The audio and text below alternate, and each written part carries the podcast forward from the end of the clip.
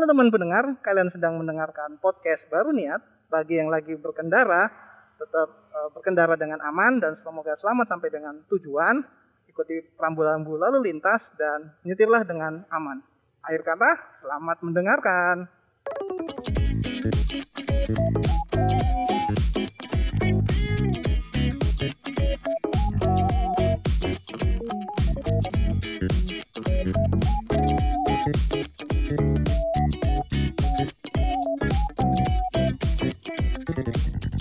Akhirnya rekaman lagi Halo semuanya, kembali lagi dalam podcast baru niat karena segala hal dimulai dari niat. Uh, jumpa lagi dengan gue Santoso di podcast dari motor ini, yang di mana tujuan awalnya sih mengisi kekosongan waktu gue selama perjalanan dari kantor ke kosan atau sebaliknya gitu. Ini gue ngerekam pagi, berarti gue dari kosan menuju kantor. Episode ini adalah episode ke 41 kalau kemarin niatnya sih bener-bener niatnya tuh udah pengen ngomongin soal yang serius. Kita ada tema soal apa asam apa? Lemak tak jenuh sama lemak jenuh. Unsaturated fat sama saturated fat. Mau ngomongin soal itu cuman materinya kayaknya lebih sulit dibandingkan yang gue pikirkan dan kayaknya akan akan sangat mudah gue lupakan ketika gue mencoba memaksakan ngomongin soal itu di atas motor gitu karena banyak-banyak istilah baru yang harus gue pahami juga kan. Jadi untuk mengisi kekosongan itu karena temanya belum bisa diangkat di atas motor ini jadi kita akan ngomongin hal lain ngomongin soal tokusatsu. Ya itu salah satu genre yang gue suka salah satu genre dari serial Jepang yang gue suka sampai saat ini yaitu tokusatsu. Kenapa masuk milih tokusatsu mungkin karena waktu kecil itu ya gua terutama itu emang jadi tontonan utama gua waktu kecil lah gitu. Kalau kita kalau lu masih ingat dulu waktu kita masih SD itu kan kita disuguhi tontonan Ultraman lalu ada Kamen Rider lalu ada baja hitam Kamen Rider Black atau baja hitam RX Kamen Rider Black RX lalu beralih ada Power Ranger dulu kan dan juga ngomongin Sentai gitu dan semuanya itu termasuk dalam genre tokusatsu. Dan karena sudah menjadi konsumsi sejak kecil dan sampai sekarang masih nonton gue pikir why not? Kita nggak kenapa nggak gue bahas sekali-kali gitu kan. Jadilah episode ini kita akan ngomongin soal tokusatsu. Seperti biasa omongan eh, apa yang bakalan gue ngomongin ini ke, hampir ke 80% nya adalah bersifat subjektif ya. Jadi mungkin kalian punya pendapat yang berbeda it's okay tapi yang jelas gue gua lebih memilih uh, pandangan gue terhadap tokusatsu itu seperti ini gitu. Ataupun tema-tema yang lain lah ya. Oke sebelum ngomongin tokusatsu mungkin kita uh, ngomongin dulu soal definisi kali. Gue juga kita gue kan cuma tahu cuman dari dulu tokusatsu tokusatsu. Tapi kita nggak tahu singkatan apa sih arti tokusatsu itu. Jadi kalau dari web yang gue baca uh, blog salah satu blog orang dia mengatakan bahwa infonya mengatakan bahwa tokusatsu itu sebetulnya terdiri dari dua kata tokushu dan satsue atau bisa diartikan sebagai spesial fotografi. Uh, jadi istilahnya tuh uh, digunakan tuh teknik ini teknik drama seperti kabuki dan lain-lain untuk memberikan efek-efek spesial gitu. Da, pada saat untuk adegan-adegan di dramanya. Tapi biasanya sih kita nyebutnya tokusatsu itu uh, sebagai special effect alias semua produk-produk uh, atau drama uh, produk Jepang sinetron atau TV series itu gimana yang menggunakan special effect untuk uh, memberikan uh, dalam dalam menyusun dalam membuat filmnya gitu. Mungkin uh, uh, dia tuh menggunakan real effect jadi bukan berbeda dengan CG CGI kan kalau CG kan itu sudah menggunakan grafik itu menggunakan komputer kalau tokusatsu itu lebih menggunakan pyroteknik atau menggunakan teknik penggambilan kamera yang yang dengan sudut pandang tertentu sehingga memberikan efek uh, efek-efek lebih atau efek spesial ketika dalam uh, hasil jadi filmnya gitu. Uh, itu tokusatsu itu dimulai tahun 1950 kalau nggak salah itu ketika Eiji Suburaya jadi salah pem, pembuat kayak pemelopor lah pemelopor uh, tokusatsu di Jepang itu meno abis nonton King Kong. Nah jadi King Kong sebetulnya triggernya tuh jadi dari Amerika tuh King Kong serial film King Kong tuh memberikan kesan yang lebih sangat pada mereka dan mereka kepada Eiji Suburaya dan temannya sehingga mereka mencoba juga membuat satu film yang sampai sekarang juga masih terkenal di baik di Jepang maupun di luar Jepang ya. Bahkan masih ada di filmnya di Indonesia nih. Eh di Indonesia ya bener. Yaitu Godzilla. Jadi tokusatsu pertama oleh yang dibuat oleh Jepang itu yang terkenal itu adalah Gojira alias Godzilla. Jadi dia menggunakan terinspirasi dari King Kong jadi membuat fit kayak saingannya ya counterpartnya lah counterpartnya King Kong Godzilla di mana pembuatannya itu nggak hanya sekedar memakai kostum tapi juga menggunakan semacam animatronik gitu ya. Di mana dia menggerakkan ekornya itu menggunakan remote gitu. Jadi memberikan apa sih e, memberikan efek kalau Godzilla-nya hidup gitu. Bukan hanya orang dalam kostum aja gitu. Jadi ekor bisa gerak-gerak sendiri gitu. Dan dibuat dengan menggunakan diorama-diorama kecil gitu kan diorama kota kecil. Jadi seolah jadi kesan bahwa Godzilla itu besar dan itu monster itu sangat terlihat gitu. Ya untuk tahun 1950-an itu sangat terkenal dan buktinya sampai sekarang kan kita bahkan di bioskop masih ada Godzilla versus Kong itu karena apa? Ya karena tokusatsu itu apa ya? Menjadi tontonan masa kecil dan sangat bagus gitu loh. Sangat sangat sampai masih terkenal sampai sekarang. Meskipun kalau sekarang sudah pure, pure CG ya. Karena kayaknya e, dari segi fluida maksudnya dari segi ke kemudahan dalam pengambilan gambar lebih fluid si Godzilla-nya uh, atau, King Kong yang dengan menggunakan CG gitu. Ya baik lagi ke sejarah tadi yang pertama adalah Godzilla, terus lalu muncul yang lain uh, tokusatsu tokusatsu tokusatsu yang lain, lalu ada kalau Kamen Rider pertama itu Keiko Kamen kalau nggak salah ceritanya itu. Lalu ada apa lagi ya? Gue lupa lupa ingat sih soal uh, sejarah detailnya itu tapi yang jelas itu memang dimulai dari Godzilla gitu.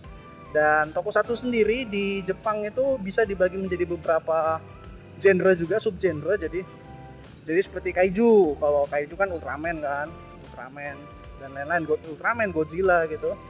Lalu Gamera seperti itu. Lalu ada Super Sentai ya Super Sentai Power Ranger. Uh, itu juga genre yang yang yang menggunakan uh, ya kalau melawan robot melawan monster raksasa menggunakan robot itu Super Sentai lalu ada Kamen Rider. Kalau Kamen Rider ya seperti yang kita tahu pengendara motor bertopeng sebetulnya konsepnya itu kan. Cuman ya sampai seka, e, kalau sampai kalau sekarang ini malah justru motornya berkurang e, mainannya makin banyak. Ya ini salah satunya sih karena aturan tentang motor ya. Jadi tentang aturan motor di Jepang itu makin lama makin strict di mana motor-motor yang menggunakan modifikasi tidak boleh uh, digunakan di jalan. Jadi ya makin sulit lah syuting pakai motor gitu kan. Gitu. Jadi ya ya paling cuman uh, obligatori paling cuman dua atau tiga episode pakai motor di awal, habis itu udah sisa jalan kaki atau magically pindah begitu saja.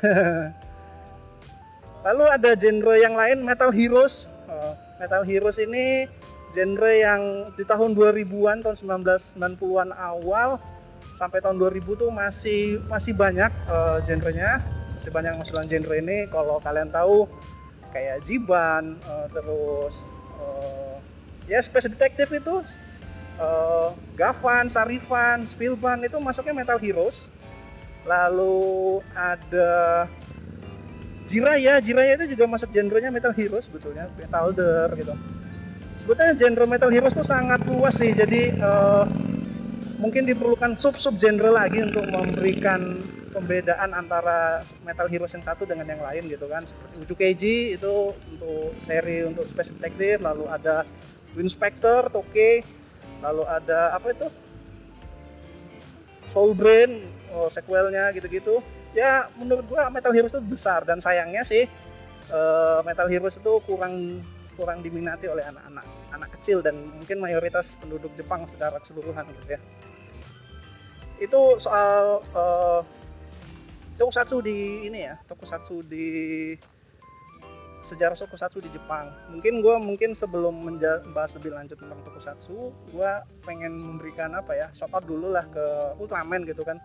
Ultraman tuh menurut gue uh, serial tokusatsu yang paling unik gitu karena uh, secara pertama dia itu konsepnya itu uh, bukan pahlawan dari bumi ya. Jadi kalau dari awal Ultraman itu adalah seorang alien dari planet M78 yang yang apa ya sepertinya memutuskan dirinya sebagai penjaga galaksi gitu. Jadi pelindung galaksi. Jadi salah satu Ultraman-nya itu ke bumi untuk melindungi planet bumi dari serangan monster seperti itu. Dan untuk supaya tidak memberikan kecurigaan dia bergabung apa ya berasimilasi dengan manusia gitu jadi manusia manusia bumi di apa ya kayak semacam di, di bersatu dengan bersatu dengan Ultraman untuk menjadi hostnya si Ultraman gitu. Kalau di Sentai kan kebanyakan ya orang apa ya manusia asli bumi gitu kan atau alien yang benar-benar datang. Kalau kalau Ultraman kan dia dia apa ya ada inangnya seperti itu. Lalu juga ada limitasinya. Jadi Ultraman itu hanya bisa bertarung di bumi selama tiga menit. Nah, itu itu udah meme bukan meme ya. Trademarknya Ultraman banget lah itu. Ada ada ada lampu di dadanya yang uh, si lampu di, di dadanya yang menunjukkan batas waktu dia bertarung tuh sudah mau habis gitu kan. Jadi kalau dari dah tinung-tinung itu kan kalau warnanya dari biru menjadi merah kedip-kedip berarti artinya energinya mau habis gitu. Dan kita ada di beberapa Ultraman itu di, dilanjutkan kalau e, pertarungannya. Bahkan ada beberapa Ultraman yang bertarung sampai sampai lampunya mati sampai dia berubah jadi batu gitu kan. Jadi solo jadi memang hidup dan matinya Ultraman tuh ya dari lamanya dia bertarung gitu. Jadi dia setiap kali bertarung dengan monster itu ya mempertaruhkan nyawanya lah bisa dibilang. Kalau dia lewat dari tiga menit meninggal, mate. Ya untuk serial anak-anak untuk memikirkan konsep dewasa seperti itu menurut gua sangat luar biasa gitu. Lalu monsternya sendiri sangat memorable, mungkin hanya Ultraman lah yang monsternya juga sama terkenalnya dengan dengan pahlawannya gitu. Kalau Sentai nggak semua Sentai bisa melakukannya tapi kalau eh, Rider juga nggak semuanya. Paling ya paling yang terkenal ya Shadow Moon gitu-gitu kan General Shadow. Nggak semuanya banyak nggak nggak banyak kayak Ultraman. Kalau Ultraman kan kita bisa tahu kayak monster yang paling ini paling dari seri Ultraman pertama Baltan. Lalu ada Ultraman apa tuh Zeton Zeton. Musuh terakhirnya Ultraman yang berhasil memati membunuh Ultraman original. Lalu ada King Joe lalu ada Belial lalu ada ya banyak lah gitu. Dan itu tuh uh, dijual istilahnya itu merchandise sama terkenalnya dengan si pahlawan itu Ultraman. Dan juga Ultraman itu termasuk serial yang ya menurut gua. Ada kalau kita dulu di Indonesia nontonnya apa? Ultraman Taro Ultraman Ultra Seven Ultraman Leo Ultraman S apakah kena masuk ya? Kayaknya enggak deh gue cuma inget Taro Leo sama Ultra Seven. Dan Seven itu Ultraman yang Ultraman ketiga kalau nggak salah itu kan yang yang ditayangkan. Dan dia sangat apa ya sangat temanya lebih dewasa lah dibandingkan Ultraman. Nggak sekedar ngomongin tentang tentang Ultraman lawan uh, monster gitu. Yang jelas Ultraman menurut gua uh, termasuk salah satu tokusatsu yang paling paling dewasa ceritanya. Dan sayangnya untuk saat ini sih uh, dia ter, apa ya nggak bisa lepas dari mainan sih. Jadi kalau sekarang Bandai sebagai pemilik IP mayoritasnya memutuskan sama seperti Kamen Rider dan Sentai gitu. Jadi menjual mainan melalui serial IP Ultraman gitu. Ya tapi itu akan gue bahas lebih lanjut lah. Kalau sekarang kayaknya nggak cukup. Nah sekarang kita ngomongin soal tokusatsu di Indonesia. Jadi kalau ngomongin special effect sebetulnya beberapa film Indonesia tuh bisa dibilang tokusatsu loh film dan serial kayak kita ngomongin soal ya Wiro Sableng lah Wiro Sableng tuh menurut gua meskipun settingnya adalah di zaman pendekar zaman pendekar itu sudah menggunakan special effect kan memberikan uh, ledakan, ada ledakan-ledakan, lalu ada menggunakan tepung-tepungan ketika berantem jadi seolah-olah uh, uh, serangan mereka tuh keras gitu kan, ada memberikan efek pak pak gitu kan. Jadi pakai tepung gitu kan berantemnya, lalu setiap kali meloncat ada sound efeknya kalau kalian masih ingat. Lalu ketika pukulan matahari tangannya jadi diperak gitu kan, menunjukkan kalau ada tenaga yang terkumpul di tangannya dan lain-lain lah. oh, jadi menurut gua uh, Wiro Sabung tuh masuk tokusatsu lalu kalau kalian ingat masih ingat serial tokusatsu di Indonesia itu kalau masih kecil waktu kita masih kecil Saras 008 itu masuknya tokusatsu juga Saras 008 lalu ada uh, Milky Man kalau kalian tahu itu adalah produknya dari Denko nggak salah itu ya. Itu cuman kayak ngepromosiin susu Denko kayaknya tuh. Kalau, kalian ingat uh, apa tuh lo uh, jargon dia adalah ini dulu baru itu. Pokoknya uh, keren sekali. Tapi waktu kecil kita wah keren sekali Milky Man. Kalau minum susu jadinya jadinya jadi Milky Man gitu. Lalu kalau di Indonesia juga ada yang sempat kalian kalau kalian tahu si Primus di Panji Manusia Millennium nah itu superhero juga tuh itu menurut gua satu juga karena menggunakan special effect gitu. Lalu kalau sayangnya ini ya genre itu udah eh, nggak uh, banyak ditelusuri lagi di Indonesia. Uh, hilang beberapa saat dan dan tapi kembali lagi di air-air ini kayak seperti kita ngomongin soal Gundala gitu. Meskipun Gundala yang buat buatan Joko Anwar menurut gue itu termasuk uh, tokusatsu karena menggunakan special effect dalam memberikan dalam mengambil gambarnya. Meskipun ya gue tahu itu lebih uh, karena uh, karena ada pengen niru ini sih cinematic universe Marvel gitu kan. Genre superhero jadi Indonesia menghidupkan kembali pahlawan-pahlawan waktu pahlawan-pahlawan dulu Gundala, Godam dan lain-lain tapi menurut gua dari segi pengambilan gambarnya dia masih termasuk tokusatsu oh ya jangan lupa kita sama serialnya yang dibuat oleh Reno Barak yang bisa di, yang sampai dibilang bapak tokusatsu modern Indonesia. Waduh. Suaminya uh, siapa? Alah gue lupa siapa yang si iklan bisa dapat kari itu. Itu pokoknya dia membuat Bima Satria Garuda itu sampai pakai bekerja sama dengan Ishinomori Production Ishinomori itu adalah ini apa sih yang membuat Kamen Rider Ichigo lah ya Sotaro Ishinomori. Dia membuat production sendiri kayak studio.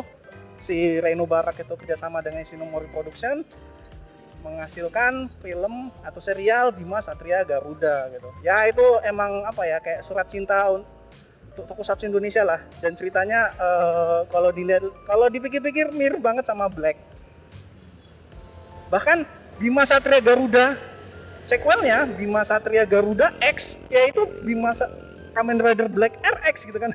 Jadi benar-benar uh, mengambil uh, apa ya inspirasinya dari Black dan Black RX gitu. Karena si tokoh utamanya berubah berubah berevolusi gitu kan. Bahkan kalau kalian mau melihat hubungannya lebih lanjut si Kotaro Minaminya sendiri Tetsuo Kuratanya datang kok di masuk kok dalam serial si Bima Satria Garuda itu salah satu karakternya kalau nggak salah gitu kan.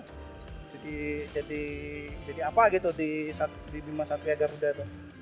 Ya itu menunjukkan bahwasanya emang zaman dulu Black ya terutama tokusatsu uh, Kamen Rider Black sama Black RX itu sangat sangat mengenang di hati para anak kecil ketika tahun 90-an ya cuma bisa dibilang tokusatsu yang paling terkenal di Indonesia lah. Sampai ya kita masih ingat lagunya Satria Baja Hitam dan Satria Black RX. Satria Baja Hitam RX kalau kalian masih ingat. Itu di Indonesia. Bahkan kalau kalian mau menarik lebih lanjut Marjan Cinematic Universe ini ya bisa dibilang tokusatsu bisa juga sih. Meskipun ya itu MCU ya itu Marvel Cinematic jadi Margin Cinematic. Kira-kira gitu. Mungkin akan dibahas lebih lanjut di di episode selanjutnya gitu karena ternyata nggak cukup ya waktunya soal satu tapi untuk sementara gue stop dulu karena sudah sampai kantor thanks sudah dengerin dan gue seneng juga nih akhirnya bisa rekam lagi minggu lalu bener-bener nggak bisa ngerekam karena stuck sama keterbatasan ide dan ke kemampuan gue untuk mengingat tema-tema yang akan gue bahas. Ya itu aja dulu, thanks sudah dengerin. Gue Santoso dari podcast Baru Niat. Pamit dulu, sampai jumpa.